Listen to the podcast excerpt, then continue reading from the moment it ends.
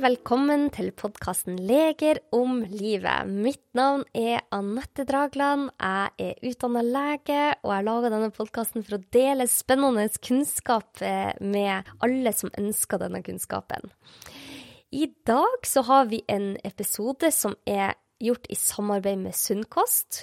Og med meg her i studio så har jeg Monica Mathisen, som er fagsjef i Sunnkost. Hjertelig velkommen, Monica. Tusen takk, Anette. Veldig hyggelig å være her. Jeg er så glad for å ha deg her i studio. Du har kommet ut hit til Fornebu. Og nå har jo jeg snakka med deg noen ganger, og du har jo en litt sånn artig uh, historie. Og vi, vi, har så mye snakk om at uh, jeg sa at nå må vi bare begynne å spille inn, for at andre folk vil jo høre denne kunnskapen som du deler. Monica, starta uh, interessen din for helse allerede i barndommen? Altså, jeg vet ikke om interessen startet allerede da, men jeg kan i hvert fall si at uh, hvordan jeg lever nå, og hvordan jeg er oppvokst, er veldig, veldig ulikt. Og da jeg var liten, så var det jo ikke så særlig fokus på helse. Jeg var født på 70-tallet, tidlig på 70-tallet, og foreldrene mine røkte, og de drakk brus med sukker, og det var masse sukker i, i kosten, og ikke så særlig fokus på å få i seg nok grønnsaker osv.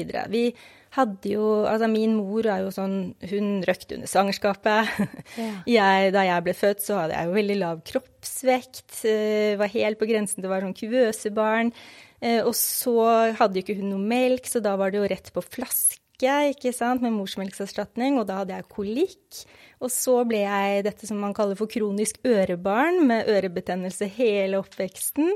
Eh, så det er på en måte liksom starten, og det husker jeg jo selvfølgelig ikke så mye av, men det, det er jo på en måte eh, det jeg er blitt fortalt.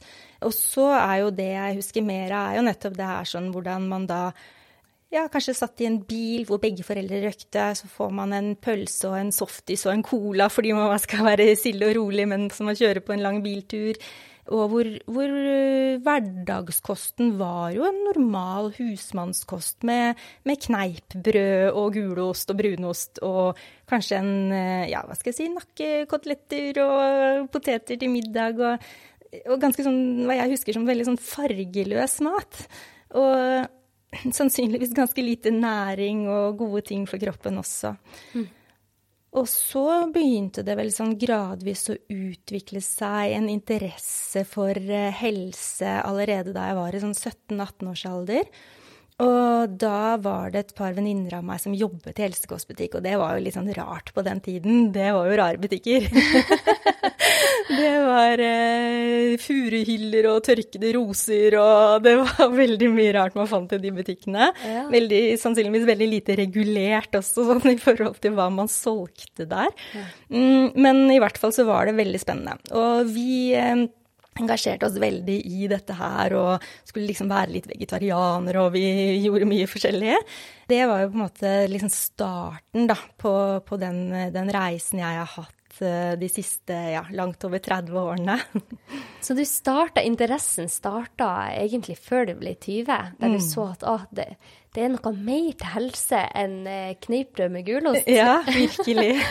Men da hadde jeg jo ikke noe forståelse enda. Det skulle jo komme etter hvert. Ja. Og hvordan, hva gjorde du videre når du begynte å få denne gryende interessen? Ja, altså det første var jo at jeg eh, begynte jo etter hvert selv å jobbe i helsekostbutikk. Da jobbet jeg som ekstrahjelp og begynte da å lære meg masse. Og husker en gang da jeg var helt sånn ny og under opplæring, og så kommer hun som skulle lære meg opp, hadde jeg betjent en, en kunde, og så sier hun ja, Monica, vet du egentlig forskjell på kalium og kalsium? Ja. For det gjorde jeg ikke. Nei. Nei. For det var jo masse bokser i hyllene med mange rare navn, og det var veldig mye å lære seg, og kjempespennende, syns jeg da. Ja. Så da var jo veien videre å um, bli veldig godt kjent med alt vi hadde i butikkene. Eh, da solgte vi mye økologisk mat, og det var liksom masse spennende å lære seg. Mm.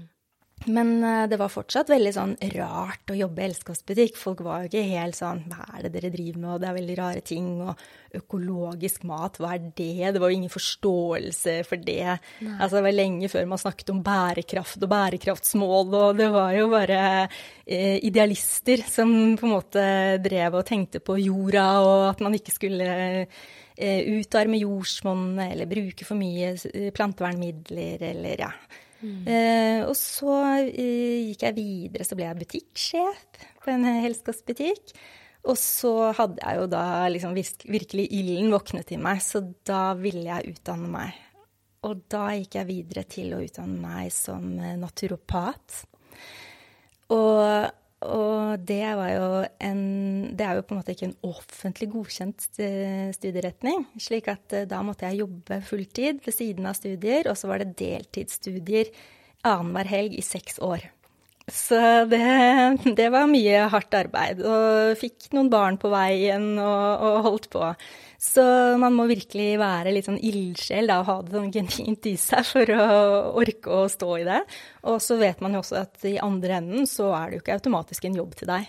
Nei. For det er ingen som ansetter en naturopat, ikke sant. Du, på samme måte som en sykepleier eller en lege eller andre ting i helsevesenet. Mm.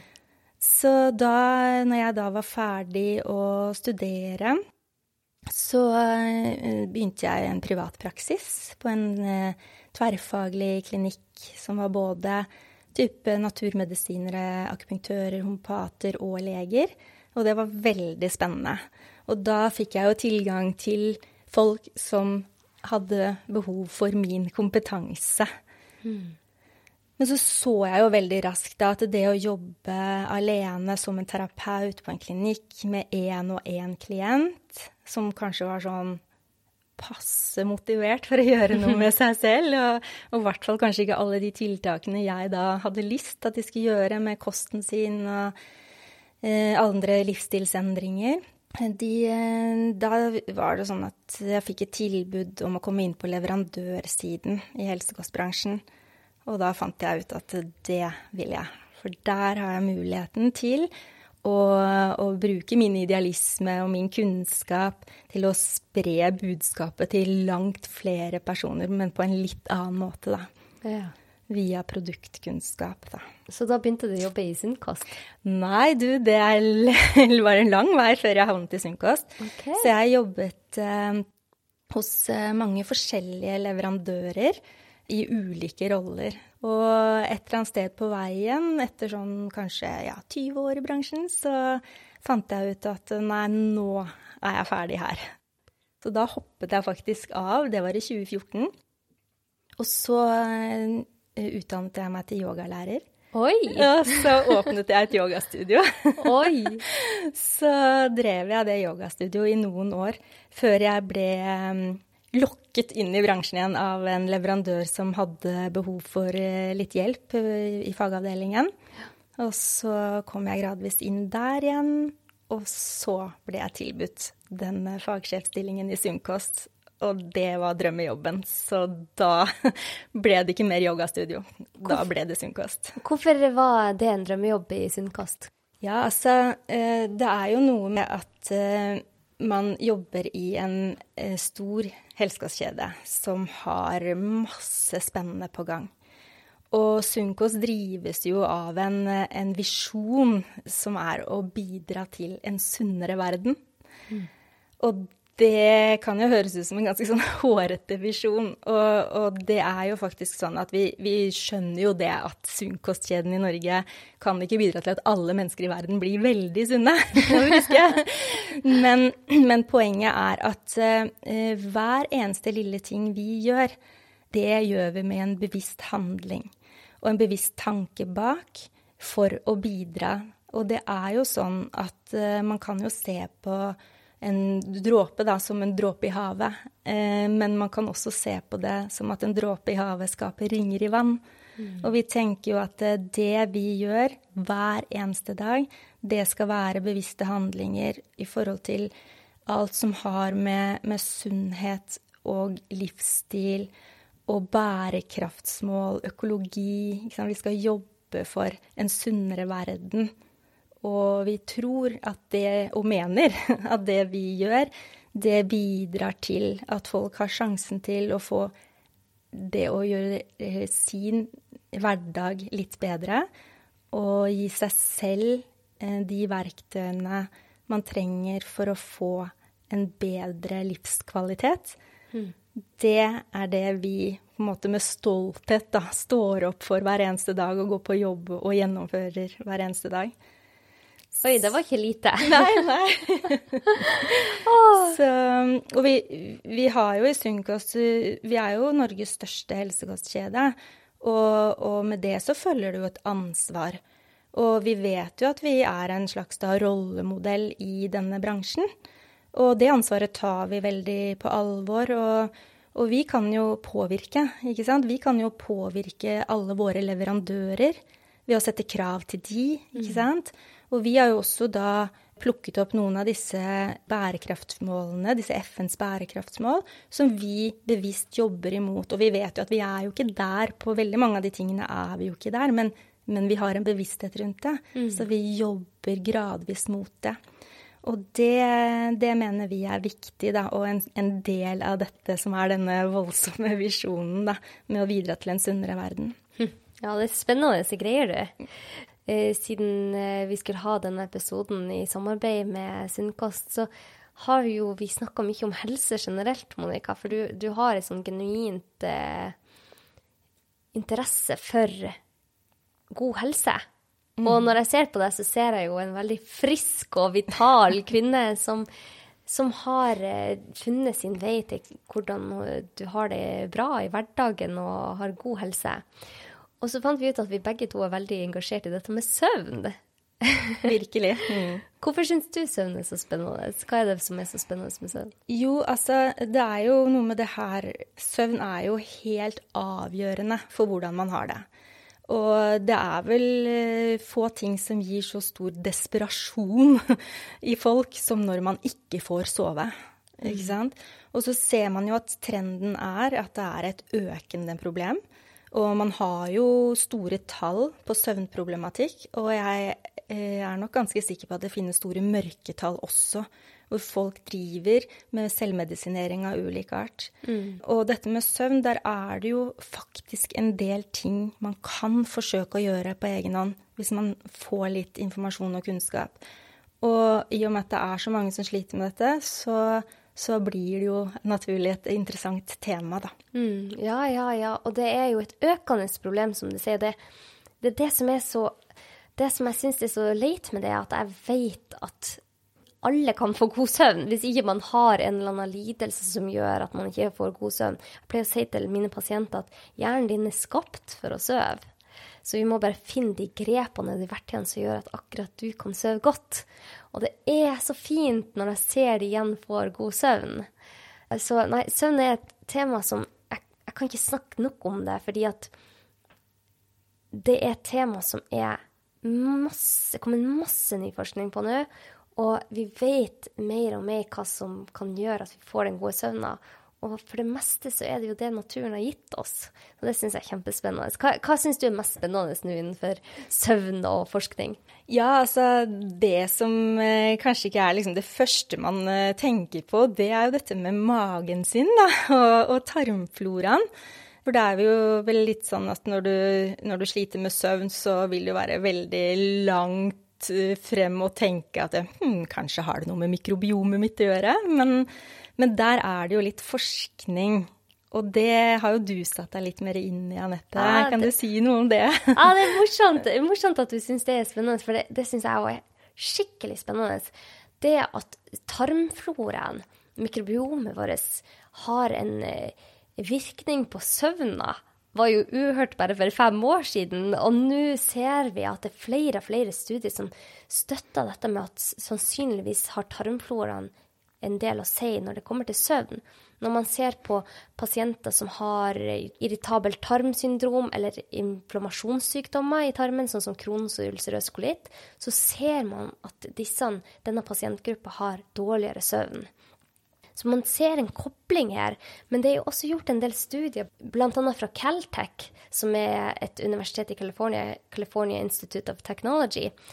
de forsker på hvordan tarmfloraen spesifikt Hva den spesifikke sammenhengen med søvn er. Og det de fant ut, var at vi har Tarmfloraen vår kommuniserer med celler i tarmen, som igjen eh, kan produsere søvnfremkallende stoffer. Og dette syns jeg er skikkelig spennende. Vi er jo helt i starten på denne forskninga, men vi begynner å se linker, vi begynner å se koblinger. Er også en studie fra, fra, Sverige der de så at etter bare to netter med dårlig søvn, så påvirka det tarmfloraen negativt. Så det er noe her som er veldig interessant, og som jeg har veldig stor vekt på når jeg har pasienter med dårlig søvn, eller kursdeltakere med dårlig søvn. Fordi at tarmfloraen tror jeg har en stor påvirkning på søvna. En enda større påvirkning enn det som er vist nå. Og jeg ser at når man får magen i orden, så er det lettere å få den gode søvna òg. Vi vet jo alle hvordan det er å slite med en eh, dårlig mage en dag. De som har mye problemer. Det er klart at det påvirker søvna på et eller annet vis. Ja, det er jo veldig interessant, da. Men hva tenker du da at man kan gjøre selv? Man kan jo kanskje ikke vite om dette gjelder en selv, men man kan kanskje tenke at det er, det er noe man kan i hvert fall teste og gjøre noe med? Ja, og da er det igjen der Det er så mange enkle grep man kan ta da.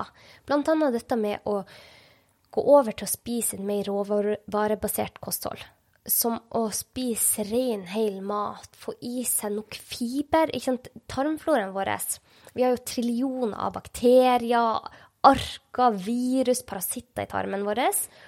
Og de lever i forholdsvis fredelig harmoni sammen, de. Hvis de har miljøet som skal til for at de skal leve godt. Men når det begynner å bli en ubalanse her, at du har mer kanskje av de sånn dårlige bakteriene og lite av de gode, så kan det bli veldig mye urolighet i tarmen, hvis man sier det helt enkelt. Det man har sett, er at fiber Fiber er jo i alt, eh, all mat fra planter. Og man ser at fiberen, den elsker tarmbakteriene våre. Det er veldig mye av denne fiberen vi, vi kan jo ikke fordøye denne fiberen, men det er tarmbakteriene som fordøyer den og bruker den til sine funksjoner. Og det, det, man ser da, er at hvis man spiser nok fiber, så kan man øke bestanden av de gode tarmbakteriene, og så kanskje senker man den bestanden av dårlige tarmbakterier. Og dette er spennende. Blant annet gjort en studie der man så at eh, spiste man 30 forskjellige ulike plantefiber i uka, så eh, kunne det øke tarmfloraen, eller øke mangfoldet. For vi ønsker et bredt mangfold av bakterier.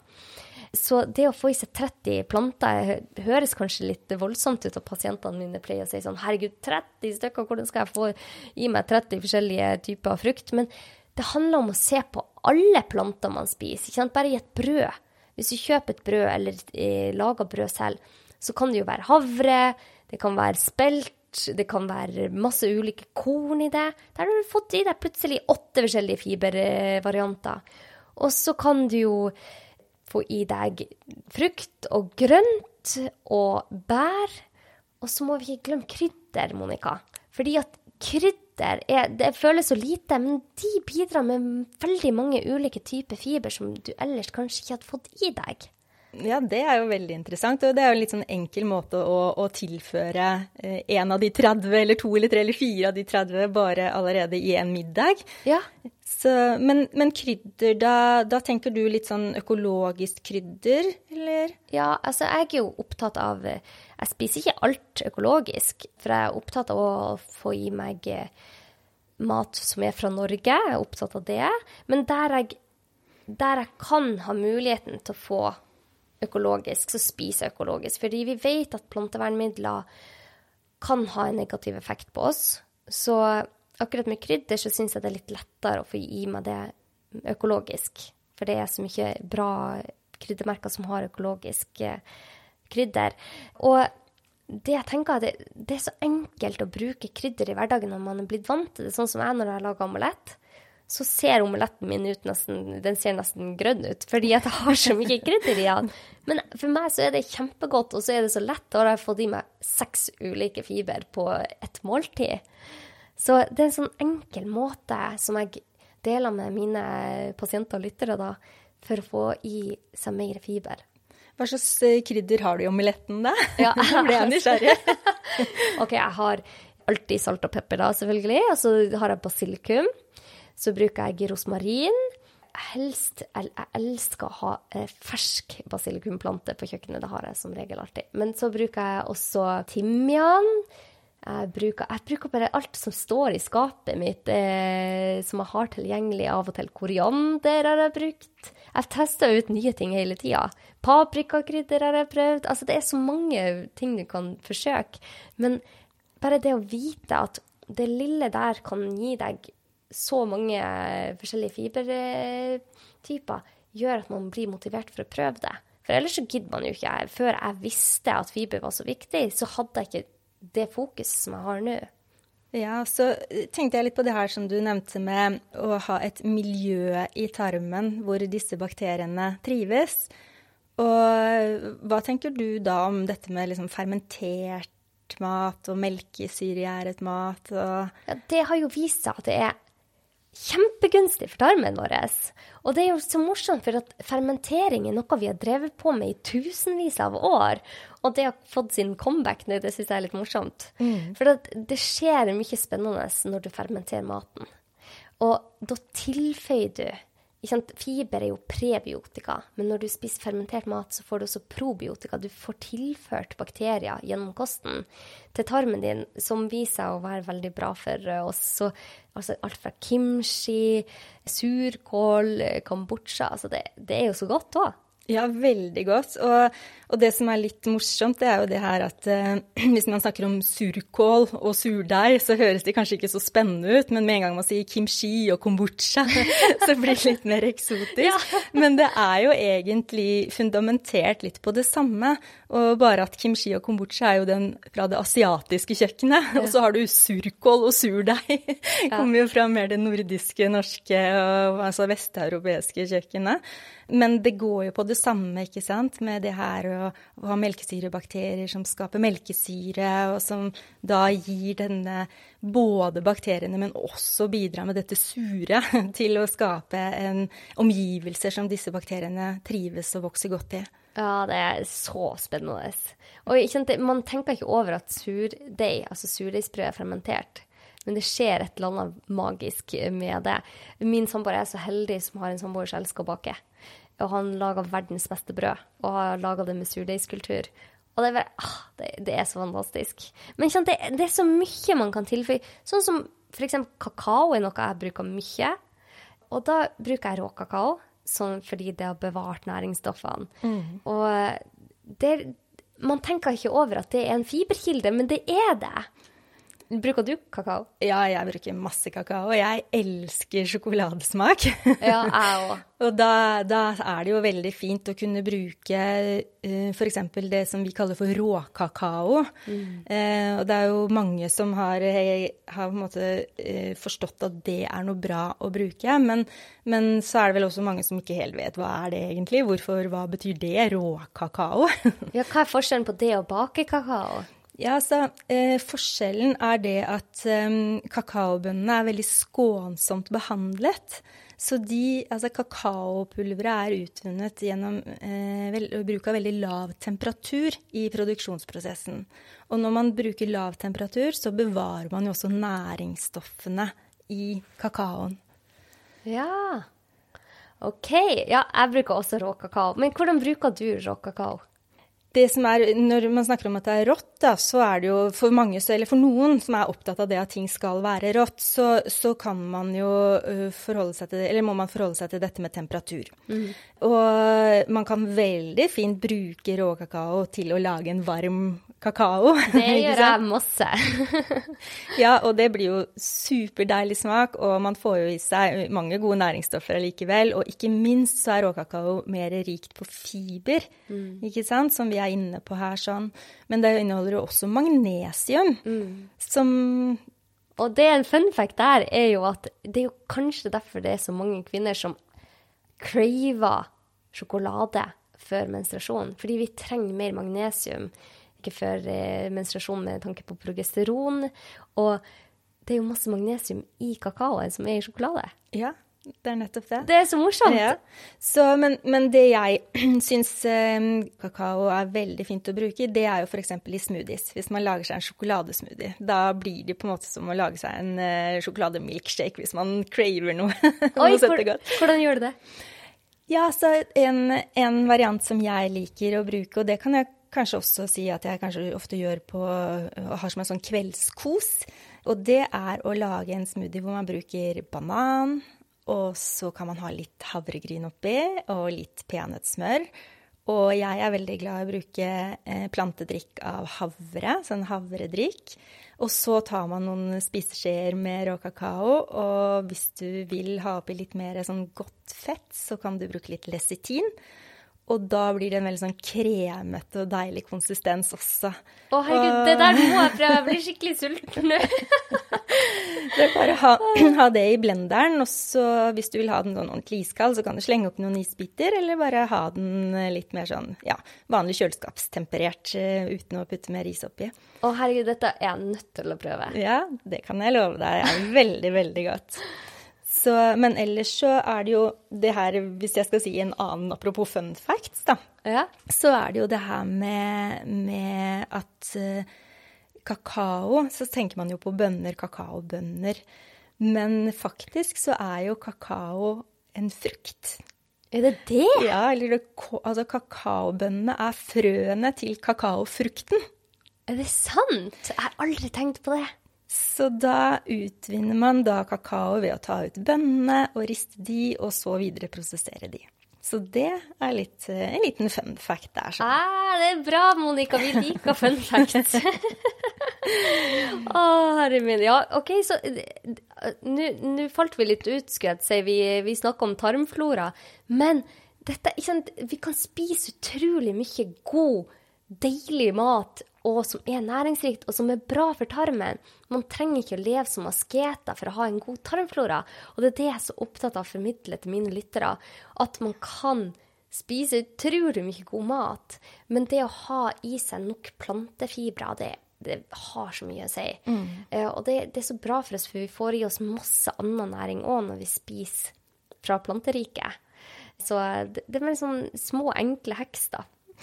Ja, også hvis man syns allikevel at det, det, kan være litt vanskelig, så fins det jo noen, eh, noen råd da, som gjør det litt enklere å tilføre mer fiber. Og, og en av de tingene er jo eh, bl.a. psyllium, husk, som det heter. Mm. Og det er jo loppefrøskall. Det høres jo litt rart ut, det har jo ikke noe med lopper å gjøre. Ja. Men det er jo en plante, det er jo noen frø, og skallene fra de frøene de er jo eh, veldig fiberrike. Det er jo nesten rent fiber. Og der er det vel også noe forskning som du har nevnt for meg? Ja, ja, ja, for det jeg ser at det kan ha effekt på de som sliter mye med forstoppelse.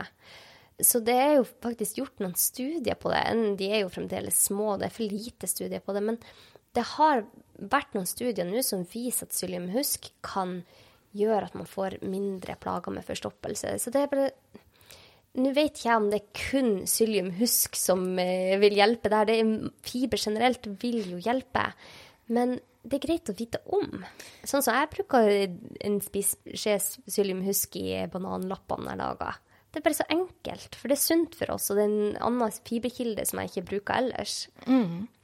Ja, og det som er med akkurat uh, disse her, uh, fib denne fiberkilden, da, det er jo det at uh, den, ganske, den, smaker ingenting. Mm. Og så er det sånn måten den fungerer på, er at når du putter den i en væske, i vann f.eks., så vil den begynne å svelle.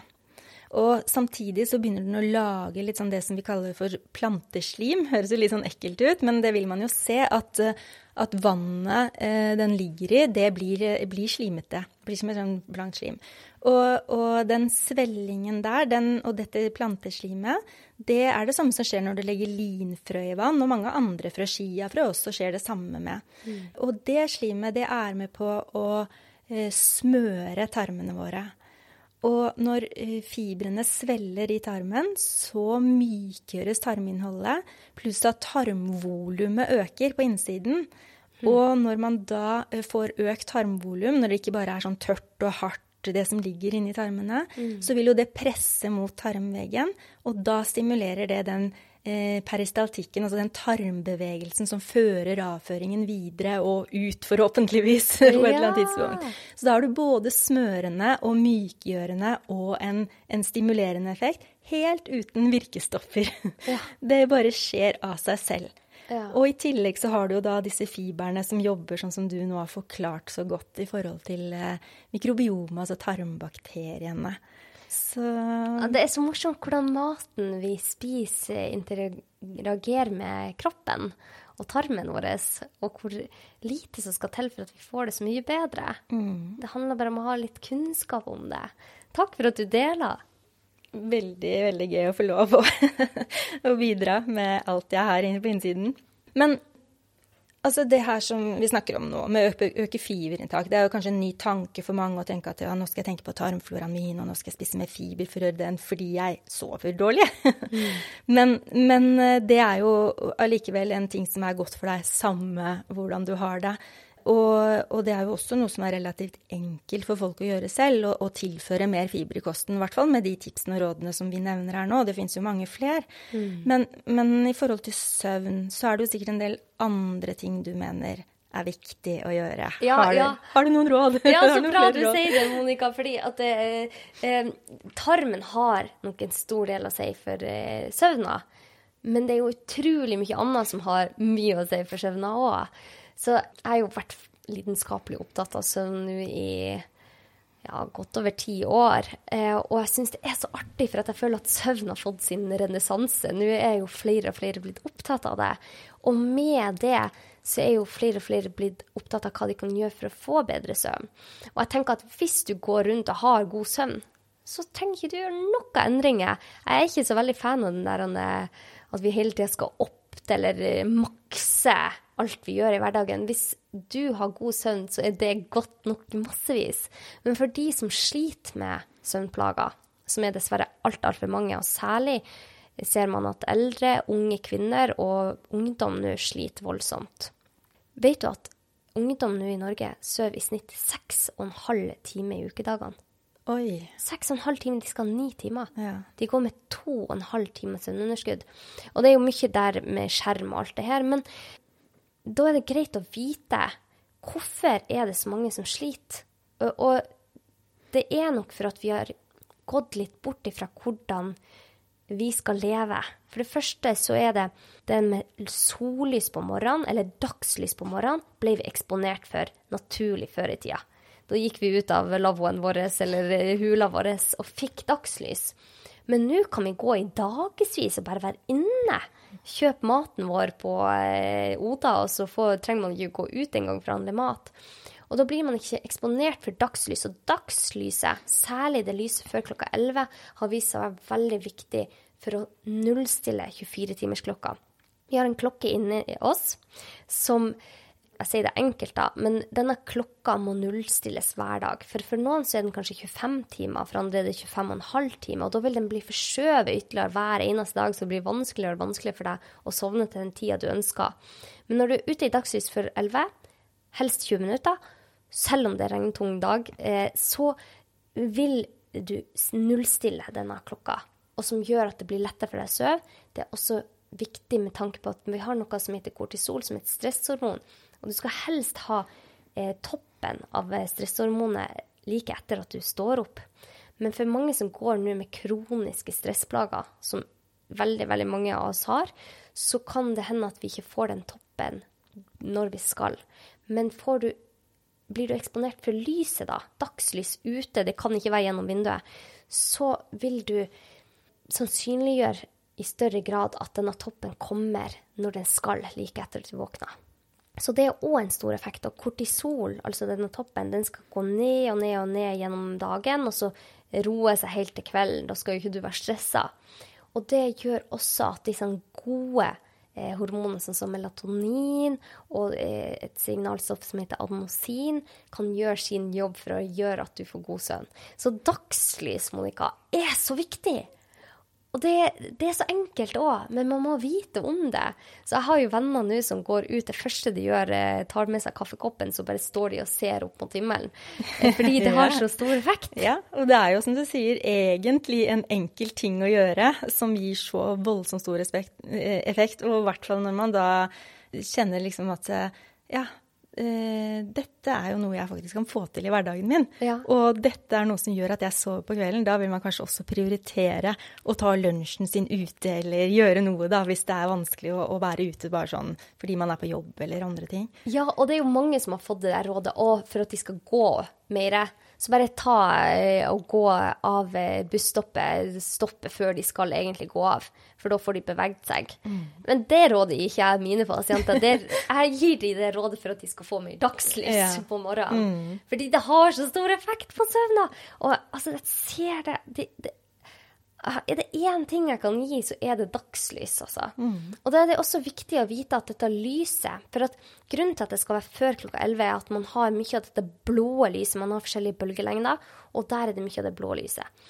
Men det er viktig å vite da at i skjermen din, PC, TV, mobil, så er det mye av dette blå LED-lyset. Disse lysbølgene som gjør deg våken, mm. og som eh, gjør det vanskelig for deg å sove. Og veldig mange sitter jo med mobilen i senga. Det, det, Å, jeg får helt sånn Å, jeg, bare tanken på at noen sitter i senga si med mobilen, for jeg, jeg får så lyst til å bare si det til alle ungdommer i hele verden, at dette må du kutte ut. For mm. det gjør det mye vanskeligere for deg å sove, og det hindrer melatoninutskillelse. Melatonin er jo viktig for å få sovne. Um, så det er et sånt uh, råd som jeg gir. Jeg er jo også opptatt av å tenke på bevegelse. Fordi at hvis du får beveget deg, så produserer du noe som heter adnosin. Jo mer du beveger deg, jo mer adnosin. Adnosin er noe som hoper seg opp i hjernen din fra du våkner, og som gjør at du får en bedre og dypere søvn. Men hvis du beveger deg òg i løpet av dagen, det trenger ikke være et maraton, bare det å gå seg tur, så får du sannsynligvis mer adnosinet, som gjør det lettere for deg å sovne. Det er veldig sånn små triks som ingen tenker at en gåtur på 20 minutter på formiddagen kan ha noe å si for søvna, men det kan det ha. Ja, det høres jo veldig viktig ut, ja. sånn som du forklarer det nå. Og når jeg sier adnosin, mm. så tenker jeg umiddelbart på koffein. Ja. Fordi at koffein, og adnosin, de kjemper om plassen i hjernen din. Koffein setter seg på et sted som de på en måte tar plassen til adenosin. Adenosin er søvnfremkallende, koffein tar plassen til adenosin og gjør at du føler deg mer våken. Men det veldig mange ikke vet, er at koffein det, Veldig mange vet at koffein kan påvirke søvnen, men mange vet ikke at koffein er såpass lenge i kroppen din. Så jeg prøver å si til alle mine eh, kursdeltakere og pasienter at kutte koffein etter klokka tolv hvis du sliter med søvn. Mm. Fordi at når du inntar mye koffein, så tar det plassen til atmosin, og den halveringstida på koffein er opptil seks timer, altså. Ja. Så den vil si at hvis du drikker kaffe klokka seks på kvelden, så kan du halvparten av koffeinet i kroppen klokka ti, når du skal liksom klare å sovne, kanskje være i din dypeste søvn. Ja, og det er jo virkelig noe å tenke på. Og da er det jo, det er jo koffein i mange typer drikker. Det er jo ikke bare kaffe det er koffein i. Nei. Så hva, hvor er det koffein? Nei, ja. Det er jo veldig mange som bruker en del energidrikker for tiden. Ja. Og særlig de unge som du nevner også. Kanskje ikke de er helt klar over dette du sier nei, nå. Nei. Og så er det jo også koffein i Eller en form for koffein i te. Så da er det jo noe med å velge kanskje noen andre typer drikker. Og så har du jo forskjellige typer brus da, som også har et innhold av koffein. Mm. Som mange bruker som tørstedrikk gjennom dagen. Og det er jo det er jo noe med det å velge seg noen andre tørstedrikker da, og kosedrikker. Ja, og det, det er ikke sant, med en gang man vet at det er noen tetyper som har koffein i seg, så er det veldig lett å velge de tetypene, hvis du drikker mye te, på kvelden særlig, og velge de uten koffein. For det er jo masse gode teer uten koffein. Virkelig. Det fins et hav å velge i. Så hvordan te syns du er god å drikke på kvelden? Ja, altså eh, sånn rent eh, tradisjonelt så finnes det jo noen, eh, noen urteteer som man kanskje kan velge framfor andre. Og jeg, for min del, hva jeg har med meg i bagasjen da, på det litt mer sånn tradisjonelle, og hvor det kommer fra, fra min bestemor, da er det jo Eh, faktisk, hvis jeg skal dra historien enda litt lenger tilbake, så, så er det jo sånn at min bestemor, hun, hun kom fra gamle Tsjekkoslovakia. Og eh, da vi var på reise der en gang eh, da jeg var ganske liten, så fikk vi jo en omvisning i hennes hjemtrakter. Og da kommer vi til en gravplass, eh, hvor det er på en gravsten så er det bilde av en, en kone med skaut og ja, ikke sant. Det er fattige folk og bønder ja. ute, langt ute på landsbygda. Så får jeg beskjed om at det her, Monica, dette er din oldemor. Her ligger hun. Og din oldemor, hun var denne landsbyens uh, urtekone. Nei! Så morsomt. Så det var henne de søkte råd hos når de trengte noe for uh, magen, eller for sår som ikke ville gro, eller for søvn, eller for andre ting da, som Eh, som man da ikke hadde noen lege å gå til, da, ikke sant, Land, ute på landsbygda der i, i gamle Tsjekkoslovakia. Og, og, grunnen til at jeg drar frem det her, det er jo nettopp det tilbake til min bestemor da, og, og, her i Norge, som jeg var oppvokst med henne i barndommen. Og da hadde hun alltid en pakke med kamillete på kjøkkenbenken sin. Oi. Og det brukte hun for å få sove. Så det er jo litt den her eh, tradisjonen, da, ikke sant, hvor, eh, hvor, man har brukt i folkemedisinen, ikke sant, og, og brukt forskjellige eh, midler. Og så er det jo kanskje ikke noen noe store studier og mye forskning på dette, men det er mer hva man har da valgt å bruke fordi man har opplevd en eller annen form for effekt. Da. Ah, det er morsomt. Tradisjon, altså. Ja, virkelig. Så, så jeg tenker jo at å, å velge noen gode ja, urte- eller uh, blomsterteer ikke sant, som ikke har, har, sort te i seg da, mm. uh, på, på, kveldstid. Og da syns jo jeg, da, i lys av min bestemors råd, å bruke kamillete er en bra ting. Ja, og det, det, er litt morsomt at du sier, for at uh, jeg råder alltid mine pasienter om å ha en søvnrutine. Og da er jeg opptatt av sant, at søvnrutinene starter allerede på morgenen med at du blir mm, eksponert for lys. Men det å ha en rutine på kvelden vil ha effekt på søvna. Akkurat sånn på samme måte som du har en søvnrutine på barna dine. Du kanskje gir dem et bad, de får kveldsmat mens du, du leser bok for dem, og så sover de. Men for oss så er det der å forberede hjernen på at nå skal det komme søvn. Det, det, er en viktig del av å få god søvn hvis man sliter med søvna.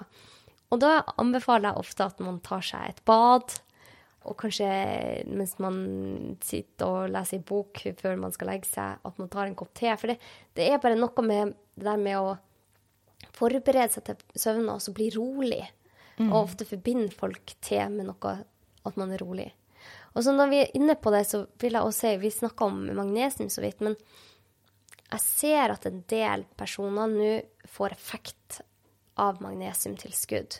Nå er ikke jeg sånn ikke forkjemper for alle mulige slags tilskudd, men det kommer mye forskning nå som viser at magnesium kan ha effekt på søvnen. Så hvis du sliter med søvn, så er det et Man kan i hvert fall prøve det ut. Og da er jeg opptatt av at man bruker disse magnesiumtilskuddene som faktisk er biotilgjengelige, som, gjør, som har effekter. Og da har det vist seg at magnesium bisglysynat og magnesiumsitrat mm. kan ha effekt på søvna. Mm. Så det er bare sånne småting som kan gi bedre søvn, som Det trenger ofte ikke være veldig, veldig store endringer, mm. som kan ha stor effekt.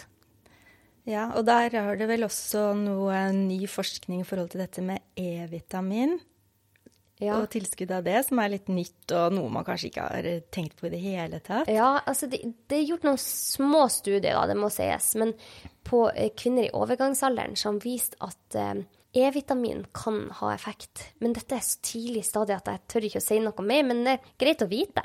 Ja, det er spennende å følge med på det som kommer.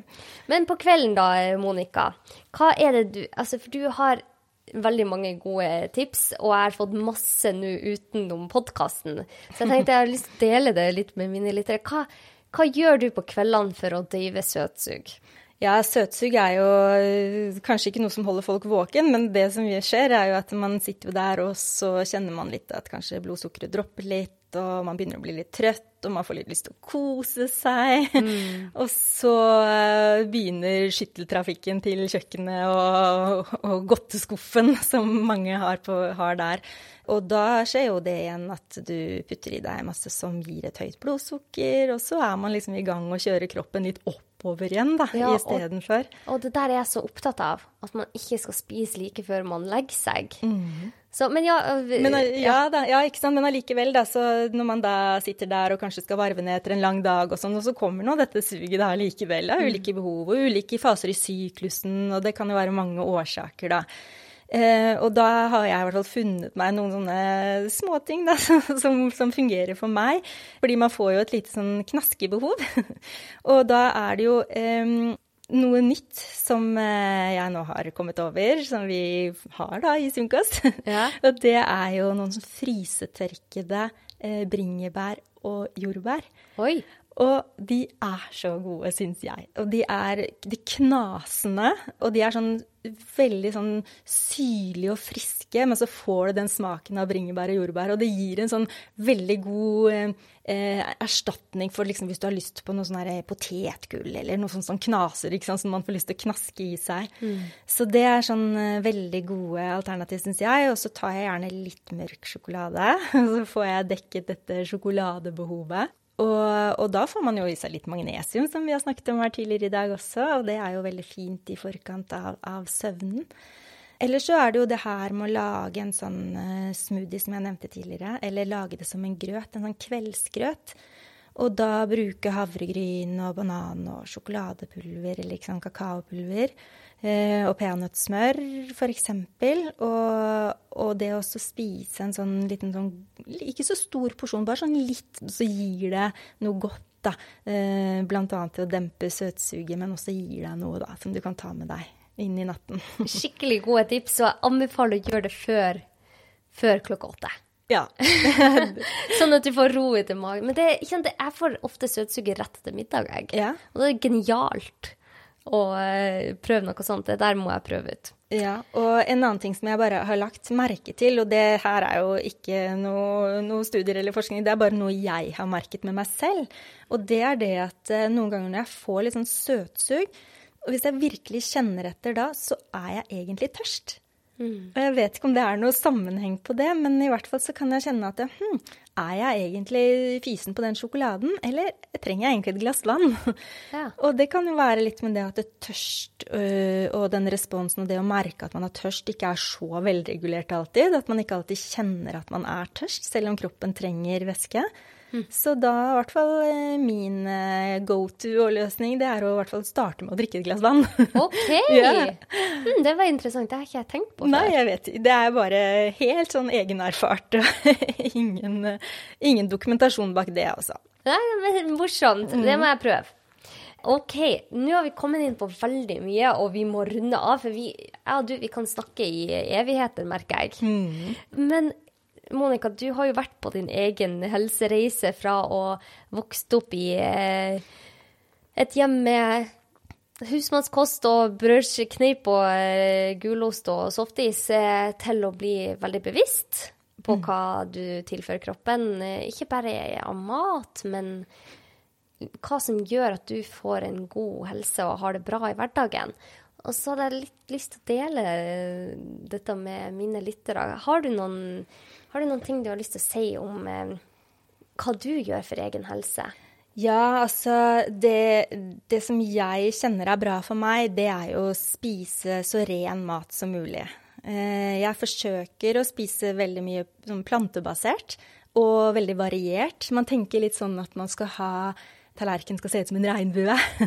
og ha masse forskjellige farger på tallerkenen, det, det, er jeg opptatt av. Mm. Og det er, det er, jo ikke sånn at det alltid fungerer sånn, det er jo ikke alle dager som blir sånn, så man finner enklere løsninger. Men sånn jevnt over så spise så rent som mulig, og så fargerikt som mulig.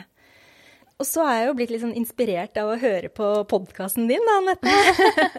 så hyggelig. Ja, det, du vet det kanskje ikke du, da, men du har jo blitt min nye turvenninne. Å, så koselig. så hører på podkast og hører på stemmen din når jeg går på tur, og det er veldig Og du har jo mange spennende gjester. Og eh, en av de gjestene som har inspirert meg veldig, det er jo Marit Kolby.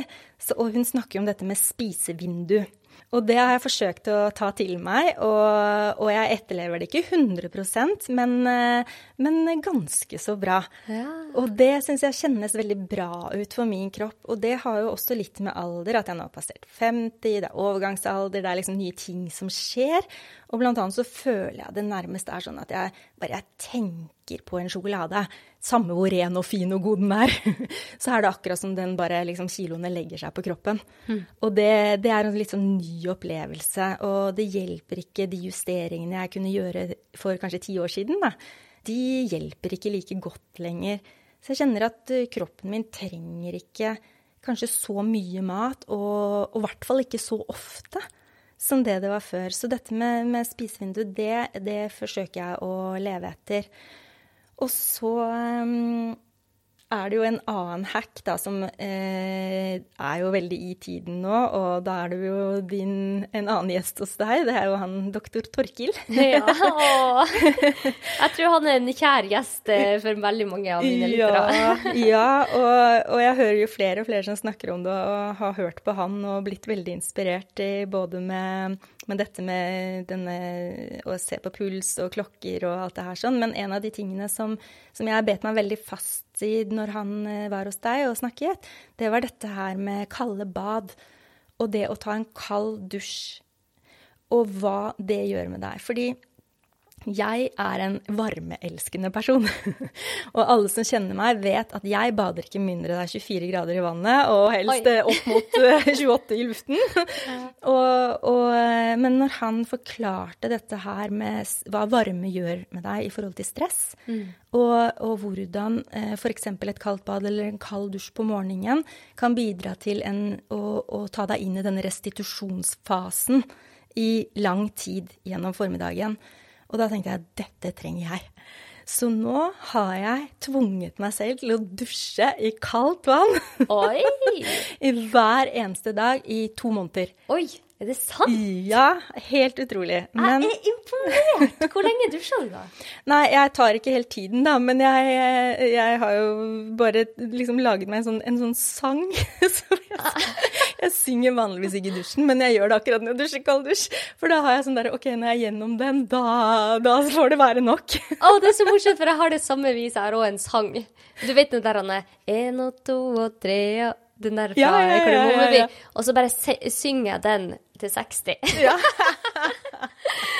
og da, for klarer, da klarer jeg å slutte å hyperventilere. Ja. Men hvordan syns du det kalde dusjer har, har det hatt noen effekt på det? Ja, så det som jeg kjenner, er jo det at det er, man føler seg utrolig fresh etterpå. Ja, Man altså, blir våken. Man våkner, og det, det, gir en sånn velværefølelse i kroppen etterpå. Mm. Og den er jo gull verdt. Så, eh, og når man da også vet da, at de setter i gang dette med restitusjon, så er det ikke tvil i min sjel. Dette skal jeg fortsette med. så deilig! Ja, og kanskje skal jeg til og med briste meg til å bade i sjøen eh, før det er 24 grader. jeg, har, jeg, har, planlagt at jeg skal ned med en gang isen har smelta her på Fornebu, og bade. Det skal jeg klare. Men det er så smertefullt til de første badene. Åh, men det er, det er deilig. OK, du har kommet med masse gode tips. Hva annet du, du, nevnte at du driver med yoga? Ja, vet du hva. Det er jo den siste tingen jeg kanskje kan nevne da, på denne biten som dreier seg om hva jeg gjør for egen helse. Og, og yoga er eh, for meg ja, det er både trening, selv om når man gjør yoga, så kaller man det egentlig ikke å trene, man praktiserer. Men eh, det er også min store eh, mulighet for adspredelse eh, i forhold til hode- og tankevirksomhet. Mm. Og jeg startet jo med yoga allerede da jeg var sånn 17-18 år. Altså, det er jo over 30 år siden. Oi! og det var jo en tid da det var um, ja, det var kanskje ett yogastudio i eh, Oslo. og det var eh, der var det to Jeg husker det var et dansk ektepar som het Peo og Parvati. og de eh, underviste én yogaform, og det var hatha-yoga. Og jeg vet ikke om det fantes noe mer i Norge i det hele tatt. Men det kanskje gjorde det, men det var i så fall veldig lite. Det var lenge før det var et yogastudio på hvert hjørne i enhver storby, i hvert fall. Og da endte jeg opp der, og, og, og det var på en måte starten på en lang reise innenfor yoga. Og der, da jeg drev med dans da jeg var helt ung, og for meg så var det jo ikke da så rart å komme inn i det miljøet hvor vi drev med rare bevegelser og tøyde mye og, og sånn, så det, det, var kjent for meg. Mm. Men det var jo veldig rart å komme inn der, og det var sånne oransje stoffmatter på gulvene, og det var veldig sånn New Age-preg over det hele. og litt sånn snålt, men, men, det appellerte til meg. Det var noe med den hvilen i avspenningen i shavasana på slutt det var noe med det å lære seg meditasjon mm. og finne en indre ro. Mm. Og jeg forsto ikke helt sånn omfanget av det da jeg var så ung. Da bare gjorde jeg det for det var liksom spennende, og jeg likte det. Det falt naturlig for meg å drive med. Og så, da jeg ble gravid med mitt første barn, da var jeg 22, da gikk jeg på gravidyoga. Og det var jo også bare noe som jeg bare måtte gjøre. Det var, føltes naturlig da. Og det var jo ikke mange som drev med det, altså. Det Nei. kan jeg bare si. Og så som Så har jeg hatt lange pauser. Det har jeg. Eh, gjennom livet, når livet har vært for mye, og det har vært ting. Men jeg har alltid liksom hatt noen øvelser som jeg kanskje lagt meg ned på gulv og rullet litt rundt og tøyd litt her og der, og bare brukt øvelsene mm. fordi det har vært godt for kroppen. Og så senere i livet, da, når, eh, når jeg har møtt på ja, ulike typer motgang, og, og, livet har vært litt sånn tøft å stå i, da har jeg funnet tilbake til yogaen. Og, og der må jeg bare si at av, man kan løpe og man kan trene på veldig mange måter. Og det er veldig mye som gir en adspredelse og en pause for folk. Uh, men det som er det helt spesielle akkurat med yoga, det er jo dette at du kobler bevegelse og pust sammen. Mm. Og idet du gjør disse øvelsene, som kanskje er litt sånn utfordrende for deg, så klarer du ikke lenger å tenke. Fordi idet du skal stå i en eller annen øvelse og holde balansen, så kan du ikke tenke på problemene dine, mm. eller prøve å finne løsninger, eller mm. tenke på om du skal ha kjøttkaker eller fisk til middag. Du bare er i deg selv. Og på den måten så hjelper yogaen meg da, til å vende blikket innover, og til å koble av tankene. Ja. Og og du hadde jo også besøk av eh, doktor Gunhild her en gang, som snakket mye om pust. Mm. Og det er akkurat det som jeg merker at jeg møter da jeg gjør yoga, og det er det her å finne tilbake til pusten. Og når man ligger i avspenning etterpå, i shavasana, så kan man plutselig oppleve en sånn veldig sånn automatisk pust, hvor kroppen bare trekker et sånn dypt, dypt, dypt pust selv. Sånn helt sånn du føler at du fyller lungene helt i bunnen. Og det jeg ikke visste, som hun forklarte, det er det at dette har et navn, og det kalles det fysiologiske pustet. Mm. Og det kobler jo da eh, liksom dette parasympatiske nervesystemet på, hvor du kobler deg av eh, fight and flight mm. og går inn i hvile. Så, så, for meg så har det vært en eh, med meg hele veien i alle årene. Men eh, noe jeg bruker mer og mer og mer i min hverdag. Mm. Å, så fint. Tusen takk for at du deler, Monica. Det er noe jeg har veldig lyst til å begynne med i yoga. Det er den ene tingen som jeg snakka mye om, og som jeg enda ikke har kommet ordentlig i gang med. Jeg har vært på yogakurs i fjor i åtte uker, men jeg har ikke klart å følge det opp. Så det er det neste jeg har lyst til å, å implementere i livet. For jeg, jeg tror at det hadde vært veldig godt for meg. Ja, det, jeg tenker jo at det er godt for alle, da. Men det er jo ikke alle som på en måte fristes av det eller føler at det er noe. Men det mange tenker er jo det at å nei, gud, jeg er så stiv, så jeg kan ikke drive med yoga. Det er ikke noe for meg. Men det er faktisk motsatt man skal tenke. For desto stivere du er, desto øh, heldigere er du som finner yoga. Fordi poenget er at du konkurrerer ikke med noen, og det er ingen fasit på hvordan en øvelse skal se ut. Du bare skal få det litt bedre for hver gang med deg selv. Mm. Så din stivhet og stølhet, det sitter i ditt vev, og det er bare det du skal forholde deg til. Så du skal puste deg myk. Åh, oh, det, det, det, er så fint. Nei, jeg skal komme i gang med det der. Ja, det kan jeg anbefale også, på det varmeste. Og så er det så mye forskning som viser hvor bra det er for altså mm. alt mulig. Så nei, takk for at du deler, Monica. Har du noe siste du ønsker å, å dele før vi legger på for dagen? Ja, eh, det er jo sånn, Anette, at du og jeg vi er jo veldig opptatt av kunnskap, begge to. Det er jo noe som du brenner for, og som jeg står i hver eneste dag i, i min jobb i Sunnkost. Og, og, en av de tingene som, som, vi er utrolig opptatt av, det er jo dette med, med å styrke kunnskapen hos de ansatte i butikk. Fordi eh, kundene som kommer til oss, de har utrolig mange ulike spørsmål. Mm. De trenger råd og veiledning på alt mellom himmel og jord. Og derfor er det jo et stort krav til oss som jobber i denne helsekostbransjen og i Sunkost-butikkene, til at vi må vite mye om mye. Eh, og det å, å, heve kunnskapen hos de som allerede kan mye, og det å sikre at alle nye som blir ansatt hos oss, at de kommer opp på et greit nivå ganske raskt, det setter vi som veldig viktig og veldig høyt. Og derfor har vi gjort en stor kunnskapssatsing.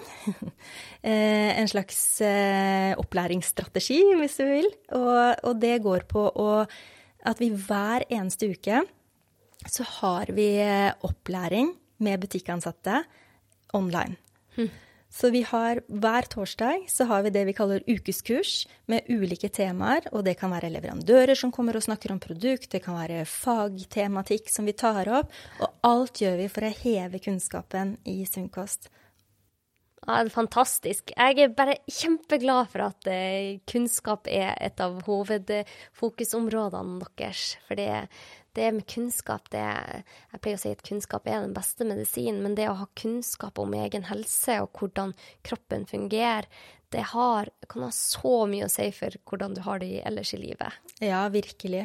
Og, og det er jo sikkert mange som syns det er litt sånn hm, kanskje ikke har vært i en helsekostbutikk før, og så går de forbi, og så lurer de litt på hm, skal jeg gå inn her, og hvor skal jeg begynne å titte, og jeg, er dette skummelt, og tenk om de spør meg om noe, altså, det er sånn, men, men, jeg tenker sånn at hvis du ble litt nysgjerrig nå, alt det vi har snakket om her, og sånn, så eh, gå gjerne innom og ta en titt. Og begynn med te, da, eller sjokolade. Eh, og kanskje har du også lyst til å, å, å, ta en liten prat med alle de flotte og kunnskapsrike ansatte som er i butikkene. Mm. Tusen takk for at du ble med, Monica. Jeg er helt enig. Det å bare ta en titt innom eh, Sunnkost, det gjør jeg støtt og stadig. Og jeg har jo takka nei til alle samarbeid nesten siden jeg starta podkasten, men akkurat Sunnkost følte jeg at der handler jeg mye. Og dere har mye gode produkter, så for meg så syns jeg at dette var noe jeg gledelig takka ja til. Så takk for at du ble med i dag, Monica. Ja, selv takk, Anette. Vi er veldig glad for samarbeidet med deg. Og jeg er så glad for at du ville ha med meg her i dag og snakke med meg. Jeg syns du var råtøff første gang i podkast, og det var så hyggelig. Da sier vi takk for i dag. Du, er det noe sted vi, mine lyttere kan eh, nå Sunnkost? Ja, så Det er jo selvfølgelig bare å komme innom i butikkene. Og så har vi jo nettsiden sunnkost.no, hvor man finner masse informasjon. Og der er det også informasjon om hvor man kan kontakte oss hvis man vil snakke med meg eller kundeservice eller har noen spørsmål som går utover det dere finner der. Perfekt. Og eh, med det så tenker jeg at eh, vi sier takk for i dag. Takk til Monica, takk til deg som lytta. Og vi ønsker dere en kjempefin dag. Ha det godt. Ha det.